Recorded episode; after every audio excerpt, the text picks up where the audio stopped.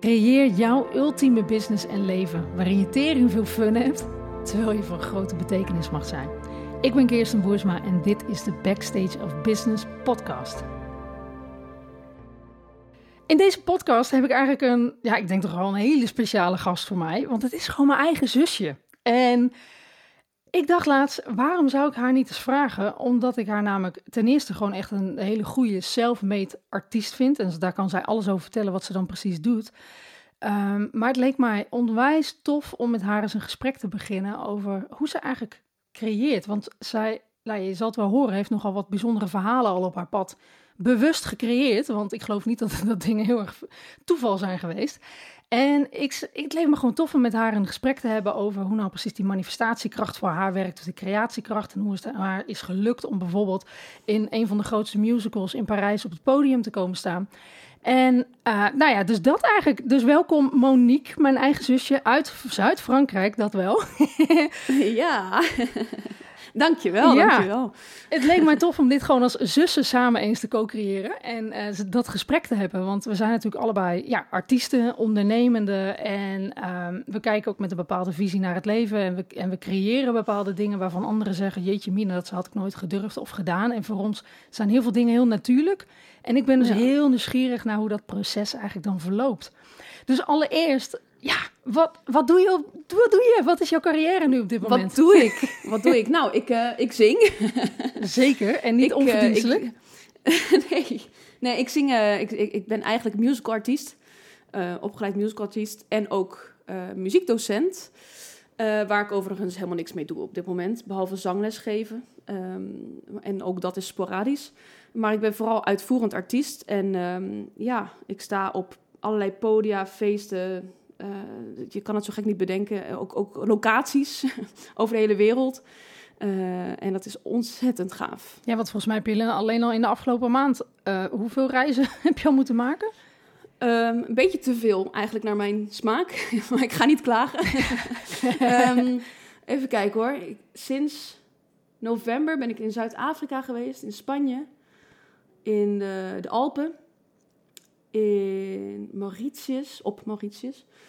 En in Bulgarije. Ja, bizar. En dat is dus gewoon echt als artiest gewoon rondreizende. Ja. En kijk, je doet het zowel lokaal in Zuid-Frankrijk, in Saint-Tropez heel veel. Uh, maar ja, dus ook... dat is meer zomers. Ja, precies. En um, de afgelopen jaren, maar dat, dat, is natuurlijk door corona waarschijnlijk ook gewoon heel veel roet in het eten gekomen. Want ik weet nog dat, um, ja, toen corona daardoor in, dat we in lockdown moesten met z'n allen Zat jij, stond jij nog op het podium in Parijs? Ja, uh, ik had een hoofdrol in een van de musicals die ik echt heel graag wilde doen. Ghost. Um, en wij zouden nog drie maanden spelen. Maar dat ging helaas niet door. En uh, wij zijn toen, uh, ja, we hebben de auto ingepakt. Zijn naar Zuid-Frankrijk gereden, want wij hadden al, al een huis hier gekocht. En, en eigenlijk hoopten we stiekem nog een keertje te kunnen spelen, maar dat is toen helemaal niet meer doorgegaan. En eigenlijk is heel de theaterbusiness daar natuurlijk compleet op zijn gat komen te liggen. En dan heb ik, mm, eigenlijk, ja, is het mazzel? Ik weet niet of het mazzel is, maar in ieder geval, ik heb hier een hele goede plek in Saint-Tropez. Ja. En toen de restaurants open gingen, kon ik gewoon weer werken. Dus ik heb er gelukkig in die zin vrij weinig van gemerkt, financieel gezien. Ja, ja absoluut. En als we dus teruggaan naar Parijs, hè, want um, als je dit aan mensen zou vertellen, van joh, ik ben gewoon een, als Nederlands meisje in Frankrijk terechtgekomen en ik sta gewoon ehm, in de hoofdrol van een van de grootste Franse musicals in Parijs op het podium. Ja. Dat is een soort van dat je denkt, huh? Hoe dan? Ja, ja, je hebt wellicht alleen je naam mee, Monique, dat snappen ze daar ook. Alleen helaas spel je die voor jou met IEK, dus heet je vaak Monique. Dus dat is een beetje, ja, beetje ze spreken het vaak uit als Monique. en, en ze zeggen vaak dat het zelfs beter is dat het zo is geschreven. Want als het met QUE was geweest, dan was het echt een oma-naam. Oh, oké. Okay. Ja, dan uh, nemen ze je misschien minder serieus daar. Want die Fransen zijn natuurlijk wel typisch. Precies.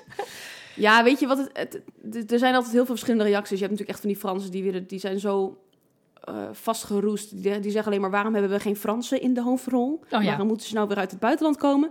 Maar uh, gelukkig zijn dat er maar een paar. En zijn de meeste mensen in de omgeving natuurlijk gewoon om me heen. Ja, die vinden het alleen maar super vet. Ja. En, uh, en, en heel veel mensen ook die juist willen interviewen van: goh, hoe ben je hier terechtgekomen? Want ja, dat, dat, dat gaat natuurlijk niet van. De een op de andere dag. Nee, precies, want je bent ook niet vanuit Nederland direct als Molly op het podium gesprongen in Frankrijk. Dus Nee. ehm, hoe is voor jou, zeg maar, dat, dat pad gelopen dat je hier in Nederland, je, je hebt ja, onder andere zeg maar op de muziektheateropleiding gezeten, eh, toch? Toen Ja. heet dat muziektheater? ja, ja, Muziektheater Tilburg, ja. Ja, precies. En ehm, hoe is dat pad voor jou geweest? Want waarom eh, had je niet zoiets van ik ga in Nederland eh, in de musical business starten? Ja, het was een beetje een mix van dingen. Ik heb, toen ik twintig was, had ik ineens bedacht... ik wil een derde taal leren spreken. En ik wil dat dat Frans is. Waarom? Geen idee, want ik bakte er niks van op de middelbare school. Maar ik had bedacht dat dat handiger was. Lag vast aan Dus- meneer Van Veen. Eh, ja, onder andere denk ik. Ehm, en eh, toen heb ik een zomerbaantje gevonden in Zuid-Frankrijk. En dat heb ik toen twee maanden gedaan. En ik was gewoon zo extreem gemotiveerd om dat Frans onder de knie te krijgen. Dat dat echt eigenlijk in twee maanden tijd... Ik was natuurlijk niet perfect, maar ik kon gewoon... Ik kon me prima verstaanbaar maken. Ik kon een praatje maken met mensen. En dat was pure wilskracht. ja. En dat stukje Frankrijk waar ik dat heb gedaan, dat is hier een kwartiertje rijden vandaan, die camping. Dat is altijd een soort van tweede thuis gebleven voor mij. En toen ik een relatie kreeg met mijn huidige vriend, eh, heb ik hem hier mee naartoe genomen en gezegd van dit is voor mij echt wel een bijzondere plek. En die, eh, en die was het helemaal met mij eens. Dus we hebben toen echt letterlijk hier op het strand een keer gezegd van nou, mochten we de kans ooit krijgen, gaan we hier wonen. ja, te gek. Dus zo was het hele idee van in Frankrijk wonen was al ontstaan. ja. Maar goed, dan ben je er nog niet. En hier staan natuurlijk ook geen musicals. Dus t- we moesten hier wel echt een hele omweg maken om hier uiteindelijk aan te komen. Dus ik was na de opleiding muziektheater... eh, heb ik de eerste musical gedaan in Nederland. Eh een van mijn dromen was werken voor Stage Entertainment. En dat was gelukt op dat moment. Het was mijn eerste contract na de opleiding. Werkte ik eh, in Aspects of Love in het ensemble. En ik had een, eh een understudy voor een van de rollen. En dat was zo ontzettend tof. Want het is iets wat je, waarvan je al droom... Volgens mij was ik twaalf of zo toen, toen die droom begon. Dus die, dat, dat, dat was natuurlijk al een hele weg die ik had afgelegd. Ik denk dat dat ook onderdeel is van, eh, van wat, je hiermee Ja. wil, wil bereiken met dit gesprek. Zeker. Ehm, maar tijdens dat contract zei ik al tegen eh, Roy, mijn vriend, van goh, als er eens een keertje een auditie voorbij komt, ik ga het gewoon proberen en we zien het wel. Ja. In Frankrijk bedoel ik dan. En zo kwam er inderdaad een auditie in Frankrijk voorbij en die zochten een zangeres. Ik denk, nou, hup, ik ga het gewoon proberen. Dus wij met de auto naar Parijs, naar die auditie. En ik had, ehm, ik moest drie liedjes voorbereiden, waarvan eentje van Les Miserables. En het ligt mij heel goed, dus ik wist, dit ga ik gewoon nelen. Deze auditie is voor mij. dus ik ging daar, en, ik, en weet je wat het voordeel is als je in een vreemd land auditie gaat doen? Je kent niemand. Dus je bent niet bang voor wie er zit in die zaal. Nee. Want het zegt je niks. En als je faalt, boeien. Ik, jij kent hen niet, zij kennen jou niet. Maakt allemaal niet uit. Ja, dus je hebt eigenlijk Dus ik voel daar- je gewoon, ik heb helemaal geen zak te verliezen en dus kun je alles Ja. geven.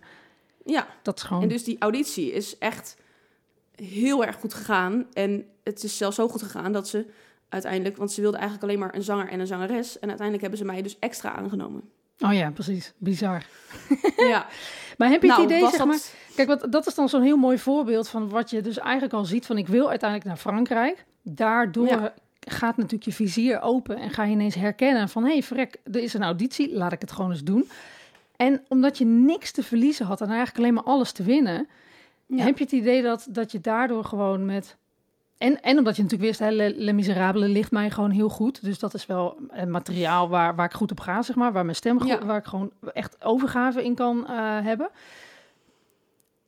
Denk je dat dat, zeg maar, die optel soms samen... en dat stukje zekerheid wat jij dus op dat moment voelde... dat dat ook onderdeel is geweest van de hele manifestatie, om het zo maar te zeggen?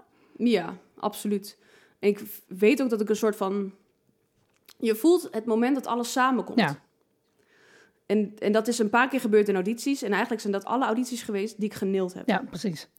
Maar je dat is, voelt dat er iets gebeurt in de zaal. Zowel bij jezelf als bij de mensen voor wie je het doet. Ja. En, en dat heeft alles te maken met inderdaad die weg er naartoe al. Ik bedoel, je komt zo'n zaal niet helemaal blanco binnen natuurlijk. Nee, want Je- in hoeverre bereid jij je voor op zoiets? Is dat eh, puur, zeg maar, hè, ik ga het gewoon zo vaak mogelijk zingen en mezelf luisteren bijvoorbeeld, of feedback, hè, mezelf feedback geven om te kijken hoe het beter kan. Hoe, hoe bereid je, wat, waar moet ik eigenlijk aan denken? Aan wat voor soort voorbereiding? Ja, dat verschilt heel erg per auditie. Dit was inderdaad echt, weet je, ze zoeken een zangeres, ze hebben deze drie liedjes gevraagd, dit ga ik gewoon zo goed Mhm. mogelijk eh, instuderen en dat ga ik gewoon zo goed mogelijk daar proberen te doen. En inderdaad opnemen, terugluisteren, eh, zo f- foutjes eruit halen, dingen, dingen fine-tunen. En ik moet heel eerlijk zeggen dat ik die auditie, daar ben ik dus daar ben ik echt een beetje ingestapt van, joh, we, we, we zien wel en we gaan er gewoon voor. En ik weet dat ik dit heel goed kan. Dat was anders dan bijvoorbeeld het jaar daarna. Eh, toen kwam eh Bal de Vampieren naar, naar Parijs. Mhm. En toen stuurde iemand mij een berichtje, want ik wist nog niet dat het kwam. En iemand uit Nederland van mijn opleiding die stuurde... Bal de Vampieren komt naar Parijs, jij moet Magda spelen. En dat was voor mij inderdaad een van de rollen die ik altijd al heel erg leuk vond. Dus ik ben daar meteen mee aan de slag gegaan. En als je echt voor een musical auditie doet, plus als je weet, dit ligt mij en dit vind ik heel erg leuk, dan ga je natuurlijk ook echt gewoon kijken, eh, wa- wat is het verhaal, wat vertel ik? Wat, je gaat zoveel mogelijk achtergrondinformatie proberen te vinden. Eh, als er een film van is, ga je de, kan je de film kijken. Je, je kan eventueel op YouTube wat filmpjes vinden van andere versies om wat inspiratie op te doen, zonder natuurlijk te gaan kopiëren, want dat is natuurlijk het gevaar. Ja. Maar je zoveel mogelijk proberen in te leven in, oké, waar bevind ik me op dat moment in het verhaal, in het personage? Eh, en wat, wa- waar zijn ze naar op zoek? Ja, dus je wordt, En ik- wordt echt die avatar. Ja, Tenminste, je identificeert je met die avatar van Ja. die persoon, zeg maar, die, die dat verhaal kan dragen, die dat verhaal kan overbrengen. En, en ja, dat is wel echt een bijzonder proces. Zo, dat, ja, sowieso voor ondernemers denk ik, ehm, we kunnen enorm veel leren van artiesten op dat vlak. Want vaak gaan we gewoon ondernemen en dan gaan we er soort van als een kip zonder kop in. Maar als je dus leert hoe je jezelf kunt shiften door je avatar te shiften. En je dus Ja. te identificeren met die versie van jezelf die het bijvoorbeeld al heeft gedaan. Of die, het, die er al is. Dat, en daar echt mee te identificeren. En kijk, jij doet het dan van nature. Is het logisch dat, dat je dus, eh, net als een sporter... die gaat ook niet zomaar de Olympische Spelen in. Die heeft het Nee. al, al weet ik veel hoe lang in zijn hoofd... ziet hij elke stap die hij zet. Elke, weet je, elk moment, elk ritueel, elk, elke Ja. training. En ehm, ik geloof 100% zeker dat dat... ehm, een essentieel onderdeel is om je manifestatiekracht daadwerkelijk in de realiteit te kunnen, ja, dat het, dat het de realiteit kan worden. En Ja, ehm, absoluut. heel vaak vergeten mensen, denk ik, gewoon die stap. Dan is het, oh, ik ga het visualiseren. Hè, dat doe je dan wellicht ook wel. Maar daarna gaan ze niet trainen. Of Nee. letterlijk die versie worden, nu al. Ook al ben je er nog niet, maar je wordt die versie al. En daardoor kun je het zijn straks. Ja, en, dat he- en het, het grappige is dat ik ook audities heb gedaan.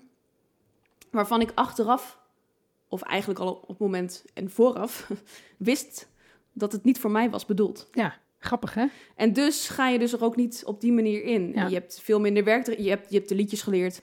En eigenlijk is het daar een beetje bij gebleven. Precies. Maar hoe, hoe weet je, of tenminste, waar kun jij aan merken dat het wel of niet aligned is, om het zo maar te zeggen? Want je zei net van, ja, ik heb audities gehad, daarbij weet ik het gewoon, ik voel het. Eh, wa- Wat is dat? Weet je wel, dat is een soort, soort, soort ongrijpbare magic natuurlijk. Ja en nee, want ik denk dat ik ook gewoon heel goed weet waar mijn kracht ligt. Ja, oké, maar dan nog En- heb je geen invloed op hoe het dan overkomt. Of tenminste, hè, of, de, of de, als het publiek het niet kan ontvangen, laat ik het zo Mhm. zeggen. Dus het is altijd ook weer een co-creatie tussen de, de, de ontvanger, even zo gezegd, en, Ja. en jij zendt. En kijk, dan kan, dan kan dat nog zo kloppend zijn, maar als jij op de verkeerde plek staat, dan kun je het nog zo mooi brengen. Maar als, het, als de ontvanger het niet kan zien, dus de waarde er niet in kan zien, Mhm. dan gaat het nog steeds natuurlijk niet overkomen. Nee, dat is waar. Ja, ik, de- de- alle keren dat ik inderdaad echt wist, oké, dit... Ik weet dat ik hier I binnen nailed ben. it. ja. Was dat echt een soort fusion of zo? Zowel met de pianist als met de mensen die er zaten, als met, het, met mezelf. Want dat is natuurlijk ook, Ja. ik bedoel, je- moet gewoon wel op dat moment kunnen presteren. Precies. En ik was zeker voor Ghost. Het was, zo, het was iets wat ik zo graag wilde, dat ik echt rete zenuwachtig was. Mhm. En dat heb ik nooit helemaal, dat kon ik niet helemaal wegkrijgen, die zenuwen. Maar dat is gelukkig niet eruit gekomen tijdens het zingen. Nee. Maar wat het toch is, wat die magie, ik denk echt dat bij mij alles samenkomt. Dus dat het klopt met mijn persoon. Mhm. Dus die rol klopt met mij. De, de, de, de, de soort stem die ze zoeken, die klopt. Ja. Eh, ik, ik denk dat dan dat stukje magie ontstaat. Want op het moment dat er ook maar één onderdeeltje net niet klopt met hoe het moet zijn, werkt het gewoon niet. Nee, klopt. Dus het is echt een soort flow, zeg maar, die er op dat moment gewoon is. Ja. Waarschijnlijk ook tijdloos, weet je wat, de, de omgeving verdwijnt, alles is gewoon helemaal in het moment. Ja, En je zei net nog iets, en toen dacht ik, oh ja, dat is wel interessant. Ehm, want stel, hè, op een gegeven moment ging je, nou, ja, je hebt al een hele lange carrière achter je rug, maar op een gegeven moment kwam Ghost natuurlijk. En jij Ja. wist gewoon, ik ben Molly. Nou, en voor de mensen die het misschien niet kennen, bedoel, ik had amper die film gezien, maar het is een film. En ik ken met Demi Moore. met Demi Moore. En ik ken het verhaal eigenlijk ook amper, maar ja, ik ben nooit zo van dat soort films geweest, dus dat ligt meer aan mij dan aan de rest van de wereld die het wel kennen. Ah, Waarschijnlijk. Ja, ja, ja, 100% zeker. Ehm, maar dan zie je op een gegeven moment dat voorbij komen en je, je ergens weet je gewoon, dit is voor mij. En tegelijkertijd, wat zijn er, zijn er ook twijfels die bij je opkomen? Of heb, heb je gewoon zoiets van, nee, dit is voor mij, punt. Ehm, ja, je gaat door allerlei fasen heen. Want ik had toen echt nog een maand om me, te, om me voor te bereiden. Mhm. En in eerste instantie zag ik het voorbij komen. En we hadden toen echt net getekend voor ons huis. Oh ja, Toen zei ik nog tegen Roy, ah, dit, deze timing is echt heel ruk. We hebben echt net een huis gekocht, dus misschien moet ik het maar niet doen. En toen zei Roy, ja dag, als jij deze auditie niet doet, krijg je daar zo'n spijt van. Jij gaat hem doen. Dus ik zei, oké, ik ga hem doen. heel goed Roy. en toen is, het, toen is het nog bijna misgegaan. Want ik had dus heel netjes mijn video opgestuurd, mijn filmpje opgestuurd en mijn cv en zo. En toen had ik dus één foutje gemaakt in het mailadres. Waardoor dat hele, die hele mail nooit is Oh aangekomen. shit, dat lijkt bijna het Rock Academie verhaal van mij met die cd's Ja. die ze niet af konden spelen. Ja, nou, dat is dus een beetje hetzelfde idee. en, ehm, en, eh, en op een gegeven moment hoorde ik al van mensen... ja, ik ben uitgenodigd voor die dag en voor die dag. Ik zei, ik, waarom krijg ik geen uitnodiging? Ik, zei, ik vond het echt heel raar. Ik denk, ik, dit, dit, dat filmpje dat ik heb gestuurd... dat kan niet anders dan dat ik word uitgenodigd. Dus gelukkig kende ik iemand daar. Want ik had natuurlijk al eerder in dat theater gestaan. Dus ik wist wie de audities... of in ieder geval de agenda van de audities deed. Dus ik een berichtje sturen, joh... ehm, kan ik, eh, kan- hoezo hoor ik niks? Kan ik eh, auditie komen doen? Hij zei, hè, maar ik heb helemaal niks van je gehad. Dus ik heb dat filmpje opgestuurd, echt direct naar het goede mailadres. En echt vijf minuten later zei hij, ja, tuurlijk mag je komen. Eh, dus dat was me, to- toen voelde het al meteen lekker. Ja, En, ehm, en, maar daarna heb je dus het hele proces, oké, ik heb de datum. En nu moet ik gaan werken. Ja. Ik moet er nu wel iets voor gaan doen. Ja, en je hebt de ene dag, dan sta je, ben je aan het studeren en dan denk je, nou, het klinkt nergens naar en dit gaat helemaal floppen. En, en de volgende dag, dan merk je ineens dat je weer een stap hebt gezet. En eigenlijk moet je gewoon altijd vooruit blijven kijken. Oké, de ene dag zet je misschien een, een stapje achteruit, maar de dag daarna misschien weer twee stappen vooruit. En zo ben ik gewoon een maand lang ben ik alleen maar bezig geweest met het voorbereiden op die auditie en het zijn van Molly. ja. En dus ook elke stap die je gewoon zet, ziet als feedback. En niet als, oh, vandaag gefaald en dan dus vervolgens een week lang eraf liggen. En, en dan heel erg in de fout gehangen. Nee, maar vergis je niet, hè. Want ehm, kijk, als muzikant zijn we getraind om te oefenen. Maar hoeveel mensen Ja. in het leven oefenen daadwerkelijk dingen? Nee, nee, ja. Ik bedoel, we, we, we verwachten van onszelf dat we alles in één keer maar moeten kunnen of zo. Want anders zijn we niet goed genoeg in de maatschappij. Dus het, het, is, het is eigenlijk zo'n mindfuck. Sporters en muzikanten zijn gewend om te trainen. En die, die, Ja. die hebben zo'n mindset. En die kunnen dat dus makkelijk implementeren. Maar bijna elke ander mens, laat ik zo zeggen, die ja, heeft op school wel misschien wat geleerd. Letterlijk om te leren. Mhm. Maar trainen is Ja, gewoon dat is echt, echt wat anders. anders. Echt jezelf Ja. trainen en gewoon te zien van, nou weet je, dit geeft weer feedback op de stap die ik nog te nemen heb. En, en continu er op die manier naar kijken. Ehm, maar ik geloof ook wel, kijk, kijk, trainen is één ding, maar volgens mij vertelde jij mij laatst al dat je iets in je journal had teruggevonden. Want jij schrijft er ook Ja. gewoon over. Dus kun je daar wat meer over vertellen? Ja, dat is heel grappig. Ik was even aan het, lekker aan het opruimen. Eventjes alles, eh, alles wat eruit kan eruit gooien. En ehm, ik kwam een boekje tegen. En ik sla hem open. En daar stond letterlijk op de ene pagina... Ik ben bang om deze auditie te falen. Zeg maar, om deze auditie niet goed te doen. En daar stond ook nog onder... Ik ben bang om de hoofdrol van mijn leven te missen. Mhm. En op de andere pagina stond: Ik ga deze auditie nelen en ik word Molly. Ja. Nou ja, je weet de uitkomst. Precies, you did it. Je werd Molly en Ja. je hing overal op de billboards in de metro. Ik weet nog wel, toen ik daar was, dat ik jou gewoon levensgroot in Parijs zag hangen. En ik dacht zo, hè? Wat, wat, wat surrealistisch allemaal. Maar ja. kijk, jij kon je al zo goed verbinden daarmee. En je wist gewoon, ja, ik, dit is voor mij. En, maar ja. stel, eh, kijk, dat vind ik dan een interessante. Stel je was het niet geworden. Ja. Tuurlijk, weet je, en waarschijnlijk in eerste instantie is de eerste, eh, eh, het eerste is gewoon super kut en wellicht lig je even een week ervan af of zo. Dat zou misschien kunnen. Ik weet niet hoe, Ja. hoe je daar Ja. inderdaad op reageert. Ehm, maar je hebt vast ook wel eens wellicht, wellicht tegenslagen gehad of met audities of wat dan ook. ja, tuurlijk. Zie- eh, hoe, hoe kijk jij naar dat soort dingen? Zie je het bijvoorbeeld als onderdeel van je pad? Dat het gewoon de bedoeling is? Zeg maar, hoe vind jij een soort van vrede in die dingen?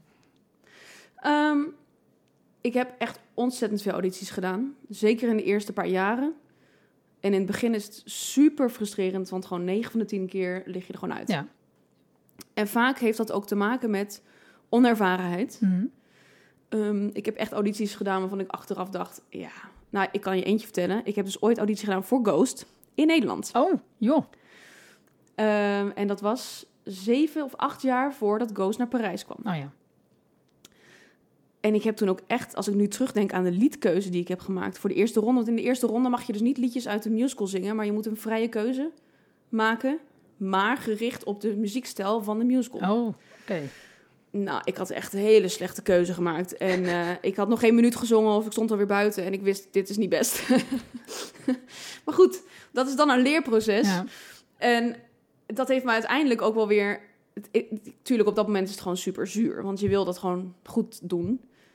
En tegelijkertijd heeft het me zoveel gebracht. En ik heb zo vaak dat soort audities gehad dat ik dacht, ja, je had dit veel beter voor kunnen bereiden. Of je had eventjes iets beter kunnen kijken naar wat voor genre het echt is. Of gewoon heel veel van dat soort dingen die je gewoon da- daarna meeneemt in je volgende Ja, eh, audities. Maar je zegt dus niet van wat een stomme kutjury en hè, het, ligt, het ligt aan anderen. Nee, maar ver- vergis je dus niet hoe vaak dat dus gebeurt.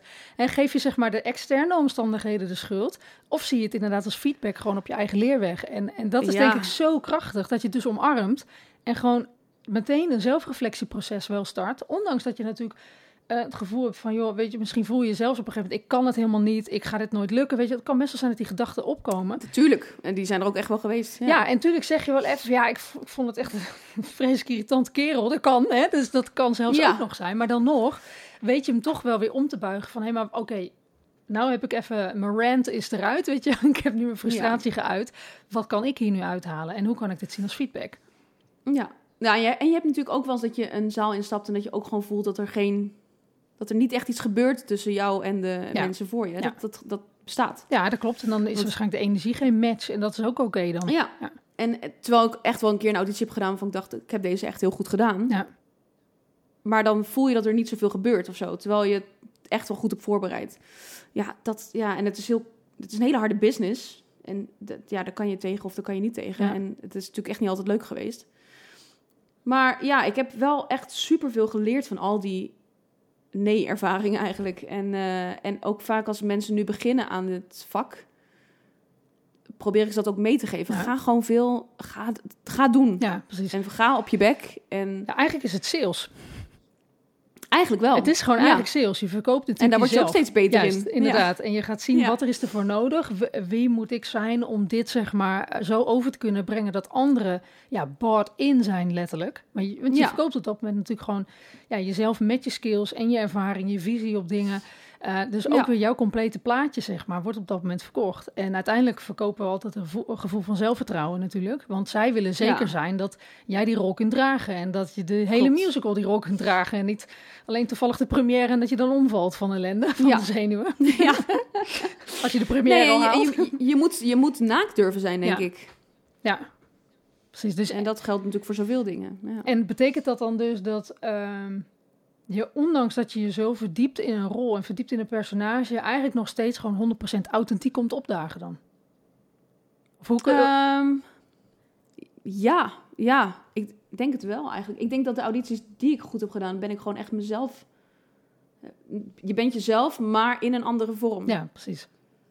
En je probeert niet iets op te plakken. Nee, dit, het is niet. ehm, soort van Monique zet een masker op met een soort fake eh, nog wat. En dan, eh, Nee. ja, nee, precies. Dus je, je kan je wel ergens echt ermee identificeren, maar tegelijkertijd verlies je jezelf ook niet. Je, je, nee, precies. Bijvoorbeeld voor, voor Molly had ik wel echt gekeken, oké, wat in de musical, wat droeg ze een beetje voor kleding? Heb ik daar een beetje naar gekeken? Heb ik me daarop geïnspireerd? Ja.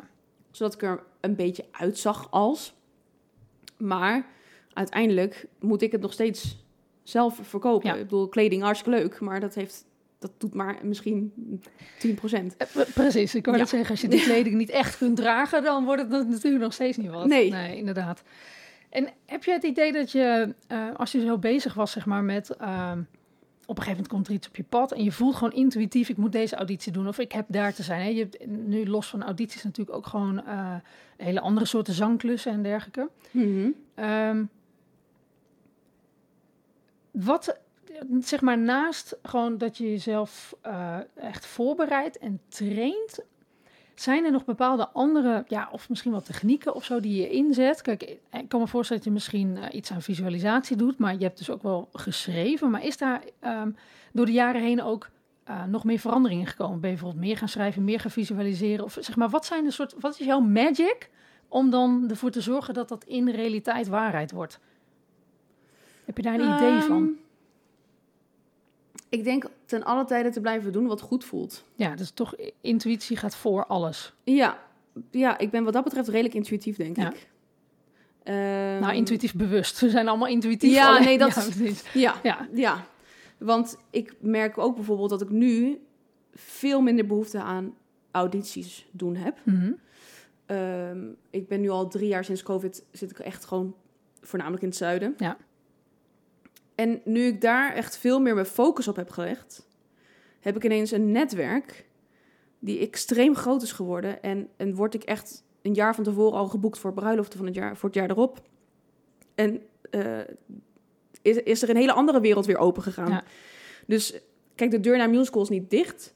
Maar ik heb een andere deur opengezet. En, en ben eh, open gaan staan voor nieuwe, nieuwe wegen, laat ik het zo Ja. zeggen. En nieuwe paden. En ja, die, wat goed voelt. Ja. En, en tot nu toe voelt dat heel erg prettig. precies.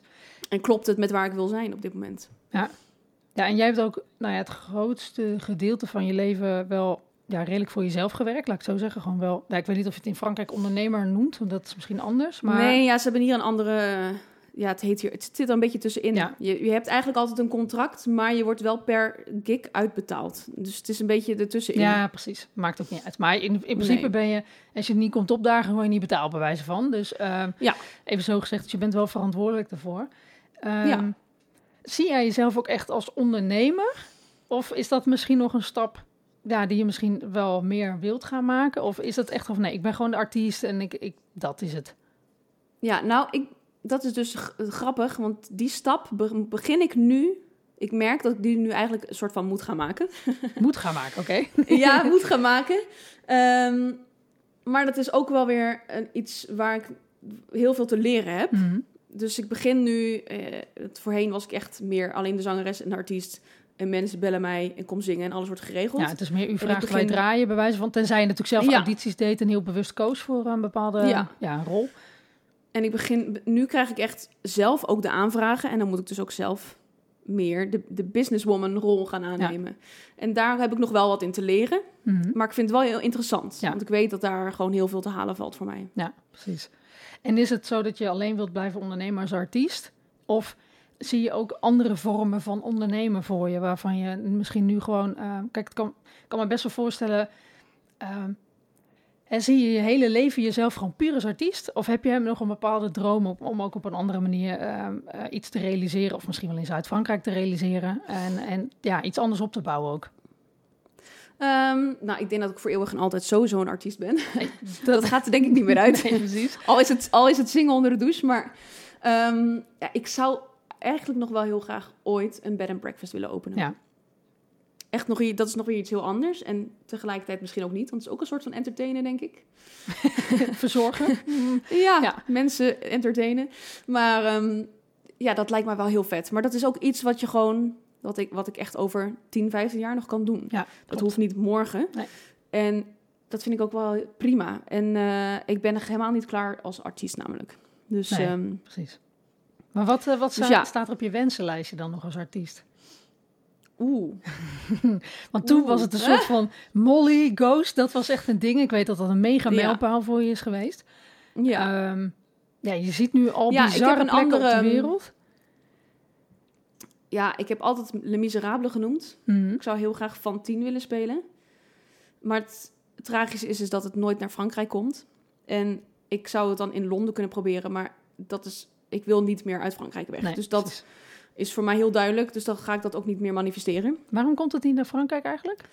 Ja, hele goede vraag. Ik heb geen idee. De, het, is, het is ooit geweest in de jaren 90 en daarna nooit meer. Ja. Nou is er wel een keertje een versie naar Zuid-Korea gegaan. Mhm. En eh, daar had ik ook auditie voor gedaan. Maar toen hebben ze uiteindelijk eh, een vaste kracht die ze al vaker hadden gebruikt voor dat soort projecten gewoon weer ingezet. Dus daar had ik, ja, denk ik geen schijn van kans. Maar ik had het misschien ook beter kunnen voorbereiden. Ja, dat heb ik achteraf, had ik daar iets meer aan kunnen doen. Dus dat heb ik ook aan mezelf te wijten. Ja. Ehm, maar als ik nog iets zou willen, ik, ik zou wel, nou ja, het, eh, dit, nog wat meer concerten en eh, verschillende optredens meer in Azië nog willen doen. ja, want daar ben je al best wel vaak geweest. Ja, Wat ik nog steeds En- heel typisch vind, want dat was een Franse Ja. versie van Romeo en Julia. Ergens in het oosten. En mensen die gooien beren op je op het podium. En je hebt, weet ik veel, knuffels ontvangen. En die zijn helemaal lijp Ja. daar. Dus klopt. Ja, bizarre is- nee. ervaring. Maar wat, maar het is superleuk. ja, wat, wat, wat maakt dat anders dan Europa bijvoorbeeld? Ehm, nou, wat je eigenlijk al zegt, het publiek is zo ontzettend enthousiast en gevend. En ehm, eh, ja, ze geven je zoveel energie. Ehm, natuurlijk in Nederland of in Frankrijk heb je ook een staande ovatie, maar het is zo anders. Ja. Ze zijn echt ja, idolaat eigenlijk, maar op een respectvolle manier. ja, precies. Want ik wou net zeggen, ik kan me ook voorstellen dat eh, idool, als iemand jou als idool ziet, dat dat ook vervelend kan zijn. Dus dat er een stukje gelijkwaardigheid of zo. Of, ik weet niet hoe jij dat ervaart, eh, maar kun je dat, kun je dat op een gezonde manier zien? Of wordt het echt zo'n, nou ja, eh, krijg je nu fanmail in je DM en eh, word je helemaal gespamd of zo, weet je wel? Nee, nou je hebt natuurlijk altijd wel een paar die, die dan echt helemaal op jou gericht zijn. En nou heb ik in, in Romeo Julia geen hoofdrol, dus dat scheelt. Ja. Ik denk dat het erger is voor de mensen die de hoofdrol hebben. Maar ja, ik heb wel eh, bijvoorbeeld twee fans die ook echt naar Frankrijk zijn gekomen om mij te zien spelen in Ghost. Maar het zijn allebei wel mensen die altijd respect hebben gehouden Ja, voor de afstand en voor de, voor de verhouding. Ja. En ja, en, en ik vind het, ja, ik weet niet, ik heb iets met die, met die wereld of zo. Ik vind het heel bijzonder. Ja. En, eh, en ik weet dat daar ontzettend veel voorstellingen gewoon heel goed werken. En ook heel veel concerten. En eh, ik ben ook alweer eens benaderd voor waarschijnlijk misschien een concerttoertje daar. Dus het, eh, ja, ik denk dat, het, dat er zeker nog wel in zit. Precies, mag je weer in een van de bijzondere Emirates vliegtuig die kant op kan. Ja. Ik kan me nog herinneren dat je een bijzondere experience had in een, een of andere heel bizar vliegtuig. Ja, ja, ja. Business class. Toen dacht ik echt, hoe. maar dat is echt zo chill. Maar dat was ook echt top of the Oh. bill business class. Dat was ook gewoon niet een Ja. beetje business class.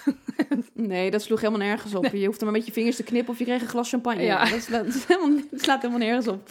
Maar ja, nee, dat, dat, is, dat maakt het natuurlijk extra leuk. Ja, maar dat zijn leuke, daarvoor- leuke daarvoor doe ik het niet. Inderdaad. Maar Ja. Dat, eh, dat is gewoon tof om een keer mee te maken natuurlijk. En eh, Ja.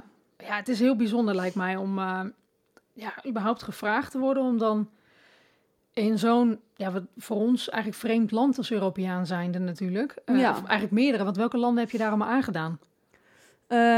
China, Zuid-Korea en Taiwan. Ja, precies. En, en dan in het Frans. Dus zij zien, zeg maar, even Ja. voor de luisteraar, want die denken anders ook van, ja, wat is dat voor geks? Hoe Maar dan? Er hangen daar van die borden toch, waarbij de Engelse tekst, of, of in ieder geval vertaalde teksten voorbij komen. Ja, dus ze, zij zien het in het eh, het Chinees of Ja, in het. Koreaans. Ja. ja. Ja, dus dat, dat dan wel. Dus ze kunnen het verhaal wel volgen.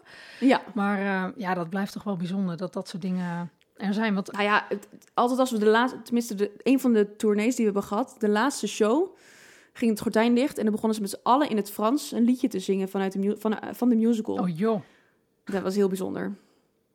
bizar hè?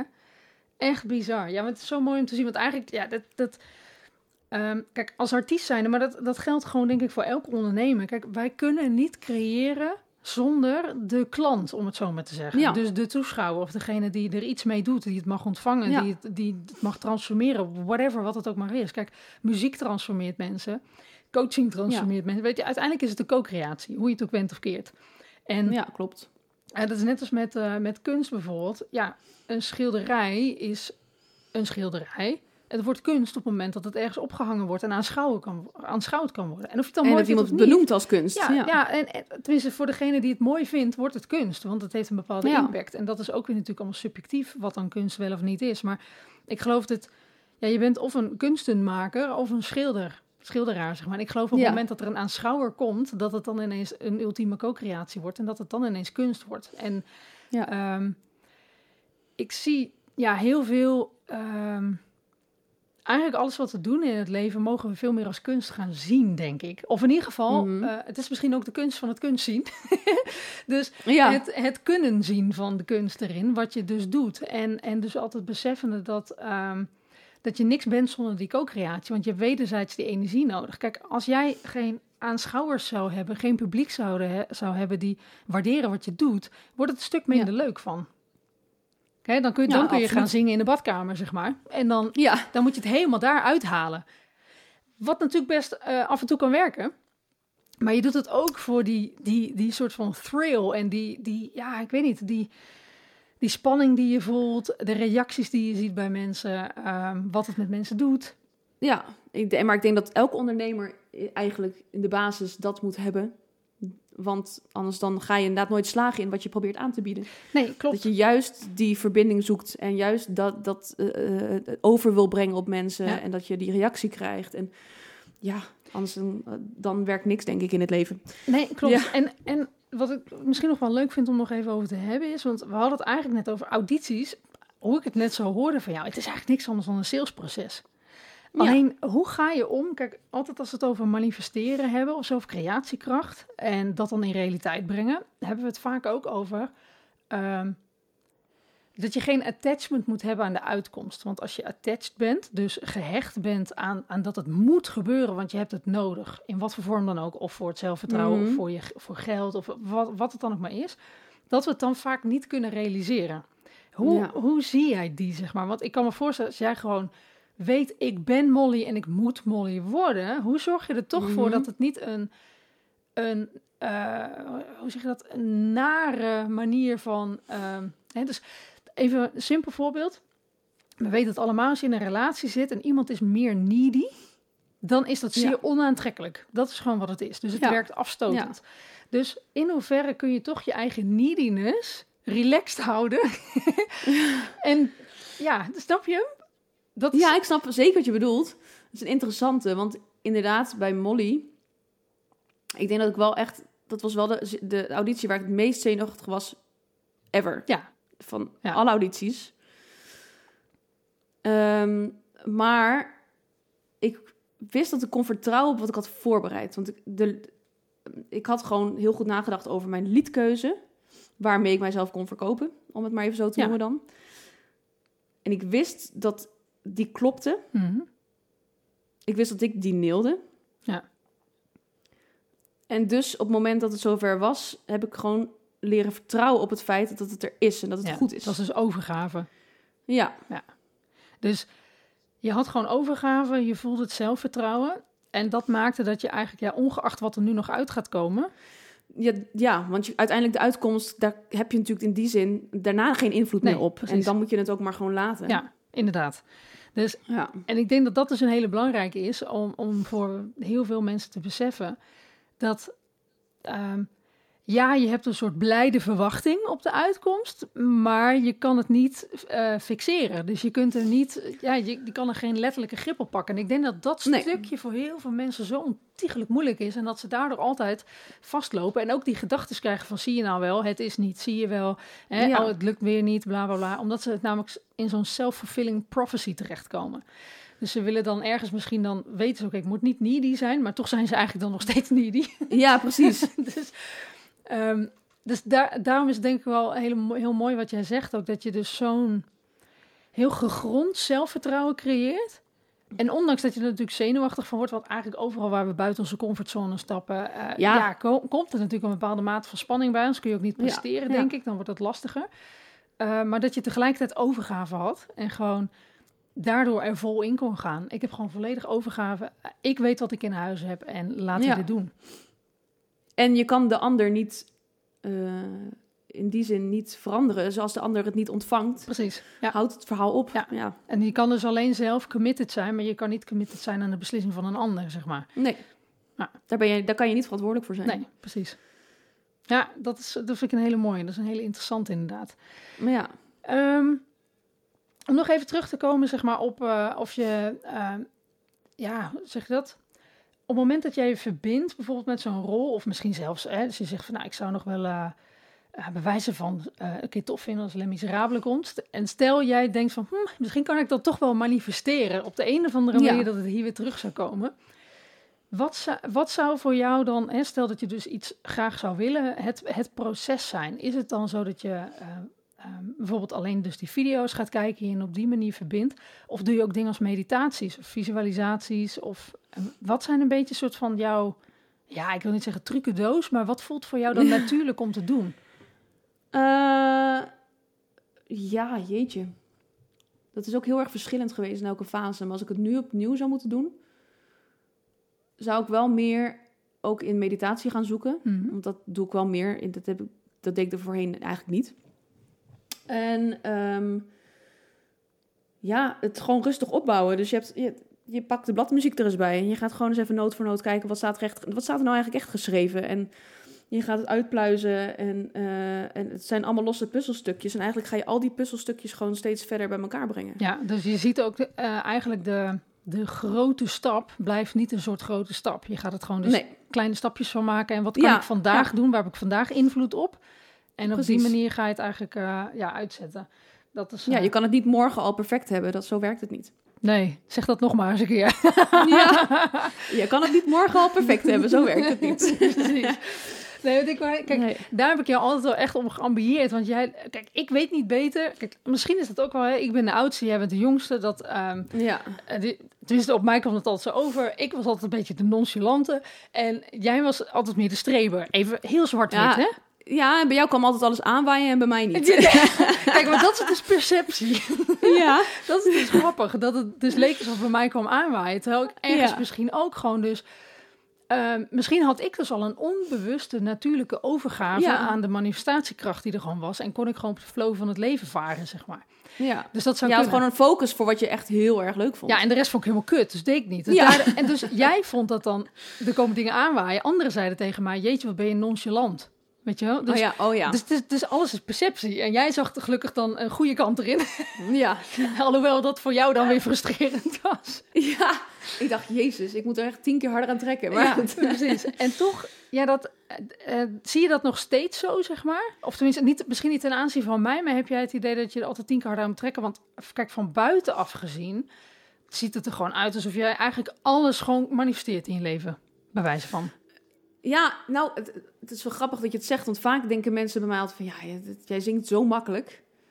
Eh, en dan moet ik echt zeggen, ja, maar ik heb negen jaar knijterhard Ja. aan mijn stem gewerkt. Precies. Negen jaar lang. Ja, Omdat ik dit wilde kunnen. Ja. Het is mij niet aankomen waaien. Dit is niet, dat heb ik zelf veroorzaakt. kun je, ik kun je nagaan als mensen zeg maar negen jaar aan hun business zouden gaan werken met de, de discipline die jij hebt gedaan, zeg maar. Elke keer weer uit je Ja. comfortzone, elke keer weer jezelf aan durven kijken en de feedback durven te ontvangen, Ja. zeg maar. Maar dat werkt dus alleen als je iets heel graag wilt. Ja, klopt. Dat, dat is Want een hele goeie. Want Ik wil, ik moest en zou in een musical komen. Ja. Ik moest en zou zo'n goede zangeres worden. precies. En geloof je dan... Kijk, ik geloof zeg maar persoonlijk niet in wilskracht. Ja.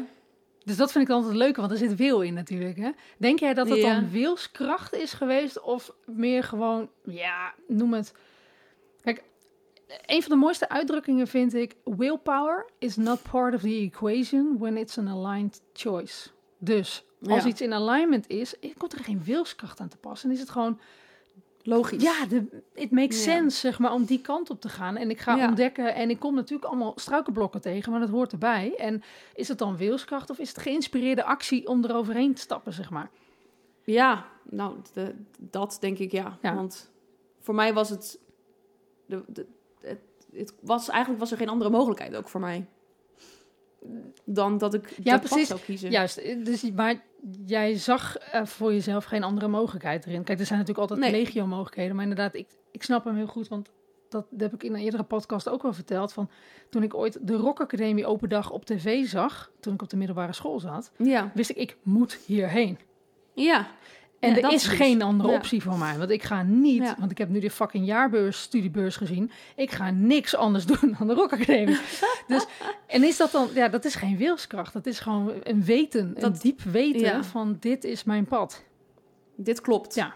Dit klopt voor mij. Ja. En ehm, ja, ik geloof echt wel dat daar, als je daarmee durft te connecten, want kijk, er zijn ook natuurlijk ook genoeg mensen die dat dan, dat hun gevoel dat zegt, en dat ze toch zoveel verhalen en bullshit in hun hoofd Ja. zichzelf vertellen dat ze vervolgens alsnog hard wegrennen en daardoor juist struggelen. ja. En veel mislopen. Ja, precies. En dus Ja. continu blijven vechten tegen zichzelf eigenlijk. Ja. Dus zou jij zeggen dat het een soort natuurlijke stroom is, ondanks dat je continu blijft trainen en verbeteren en expanderen eigenlijk van jezelf, omdat je, weet je, je, je vernieuwt jezelf natuurlijk continu. Ja, nou, het, het- er is niet iets. de- je, kan niet, je hebt het gevoel dat er niet een andere weg is of zo. Dus de- Ja. het voelt logisch om die kant op te gaan. En ehm, ik denk dat eigenlijk mijn eh, voordeel is geweest, is dat het me niet altijd kwam aanwaaien, om het even Mhm. weer zo te zeggen. Eh, maar dat ik er juist heel hard voor heb moeten werken. Want daardoor ben ik denk ik verder gegaan dan menig ander. Ja.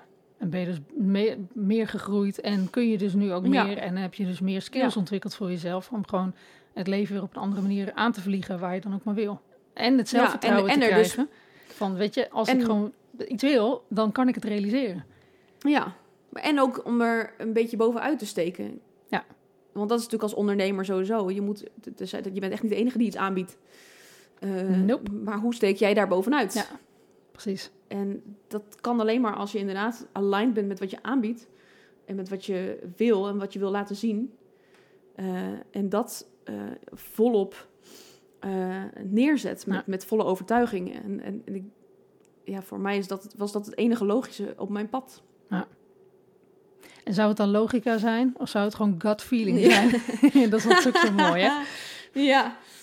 Want dan kunnen we Ja. het nog steeds rationeel... Ja, dit is het beste. En rationeel natuurlijk. Ja. Je, het is een inner weten natuurlijk uiteindelijk. Het is gewoon, ja, Uiteindelijk is wel. de bedoeling, klaar. En als ik terugdenk aan alle stappen die ik heb gezet vanaf het moment dat ik dacht ik ga Frans leren, is eigenlijk alles heel logisch op elkaar gevolgd. Ja. Maar dat is dan niet, is het dan inderdaad logisch of is het inderdaad, Ja. dit Ja, was en- gewoon gut feeling. Ja. Kijk, dat vind ik ook wel mooi, zeg maar, dat je hebt een natuurlijke overgave gehad in dat proces. Want kijk, als je al, nou, ik weet niet welk jaar dat was geweest, maar op een gegeven moment op het strand stond en tegen elkaar zegt, ja, hier gaan wij op een gegeven moment wonen. Mhm. Ja, heel veel mensen blijven in die droom. Ja, nee, wij, Ja. wij hebben een droom om samen dit en dat en dat. Dus ja. Eh, het mooie is, jullie hebben dat niet geforceerd. Het is niet van dit moet gebeuren en dit is gewoon, Nee. het moet nu. Maar en tegelijkertijd hebben jullie het ook niet aan je voorbij laten waaien. Dus je hebt zeg maar, Nee. je, je hebt opengestaan voor de kansen die op je pad kwamen, die je steeds iets dichter brachten bij dat plaatje. Ja. En, en nu zit je al lang in dat plaatje en dan komen er weer nieuwe dingen natuurlijk, waar je dan op een gegeven moment Ja. voelt van, hé, hey, waar, waar mogen we nou naartoe? Of, of wat mag zich nou gaan ontvouwen? Ja. ja, klopt. Ja, ik, het, het, het, het is bij mij heel vaak achteraf geweest hoor. Dat ik dacht van, oh ja, Connecting the dots. alles- Ja. ja. Ja. Nou, dat is niet, en als ik dan alles optel, dan denk ik, het ene had ook niet zonder het ander gekund. Ja. Het had niet bestaan. Nee, dat, Dus- dat was een parallel pad geweest. Dan had je een heel, an- zeg maar, ik geloof dat je, zeg maar, op dit moment oneindig veel versies van jezelf had kunnen hebben in, in Ja, oneindig veel omstandigheden. En uiteindelijk he- hebben we precies, zeg maar, al die keuzes en beslissingen, hebben precies dit ene paardje vrijgemaakt. En dat is gewoon Ja. een paardje geweest. Maar dit paadje klopt Ja, voor precies. mij. Ja. Ja, mooi. Volgens mij, eh, ik denk dat het eh, een heel mooi gesprek gewoon sowieso over ja, creatiekrachten, hoe jij je voorbereidt. Ja. Want ehm, inderdaad, kijk, het kan voor heel veel mensen kunnen dingen heel makkelijk lijken. Hè? Ik zeg ook altijd, vergelijk je podium absoluut niet. Of vergelijk je eigen, eh, of nee, andermans podium. God, ik moet het goed zeggen. Andermans podium niet met je eigen backstage. En Nee. eh, dus alles wat je ziet aan de voorkant, daar is vaak gewoon, er zijn heel veel beslissingen, heel veel leiderschap Yep. heel veel verantwoordelijkheid nemen, heel veel trainen. Vaak op je smoel gaan, dat weer meenemen. En, Ja. en er, zit, er zit zoveel meer achter, zeg maar, dan, eh, dan wat we gewoon aan de voorkant zien. En het is echt niet, nou, hier is Monique, die woont in Zuid-Frankrijk, die heeft een paar mooie rollen gehad in eh, Franse musicals. En eh tada, Tadaa, hier is ze dan. Ja. Ja, hier is ze. Die is gewoon Nee, zo hoor. uit de baarmoeder gerold en die is Ja. klaar, af. ja, af. Niks meer aan doen, niks meer aan doen. Nee, precies. dus, en dat vind ik zo mooi, zeg maar, dat doen artiesten bijna van nature, maar ze omarmen de ehm, expansie.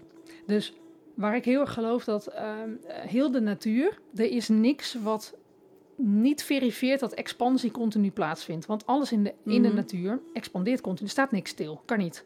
Nee. Dus alles expandeert. Alleen wij hebben als mens soms de neiging om te denken dat dat wel kan. En dus Ja. maar stil te staan en in een comfortzone te hangen. En, en eh, onszelf helemaal, ja, eigenlijk daardoor enorm veel pijn te doen en heel veel struggles te komen. Terwijl, ja, wat jij hebt gedaan is eigenlijk wel je natuurlijke expansie volgen. En ook al kom je dan, eh, hè, stel je ziet het gewoon als een soort, soort berg waar je vanaf glijdt, al snowboardend of wat dan ook. En je komt af en toe een boom tegen, zeg maar. Dus die moet je wel ontwijken en je moet daar je pad in vinden. Ehm, maar je gaat wel, je expandeert wel en je, je houdt Ja. je vizier open, je hebt een groeimindset. En ja, ik geloof wel dat, eh, omdat natuurlijk vaak mensen gewoon hebben, ja, als je het kunt voelen, dan is het er al. En ja, dat klopt, deels. Maar tegelijkertijd, wie heb jij te zijn? Wie heb je jezelf hè, te trainen om nu al te zijn? Wie is die versie van jou die dat al heeft gedaan? En hoe kun je daar Ja. vandaag al naartoe werken, zonder dat het al in je realiteit is? En, en ik geloof wel dat dat actiestuk daarin, maar geïnspireerde actie, geen geforceerde actie, geen Mhm. geen enorme moedjes, zeg maar, dat dat uiteindelijk de, ja, de sleutel samen is om gewoon eh, ja, hele mooie dingen in de realiteit te kunnen doen. Ja, Dus ja. absoluut. Ik ben helemaal mee eens. Dus ik wil je bedanken. Ik weet niet of je nog iets toe wilt voegen of, eh, of iets dergelijks, maar ik vind het gewoon super leuk dat je met mij deze podcast wilde maken. Ja, ik vond het leuk dat je me hebt gevraagd. Gelukkig maar, gelukkig maar. Want ik, wat dat betreft zien we elkaar natuurlijk ook veel te weinig, omdat jij natuurlijk Ja. in Zuid-Frankrijk hangt. Maar dat maakt niks Ja, uit. Zitten, zitten we hier weer, hè? Zo werkt het ook. En zo kan ik je ook met een Zoom-verbinding zien. Dus dat is ook helemaal te gek.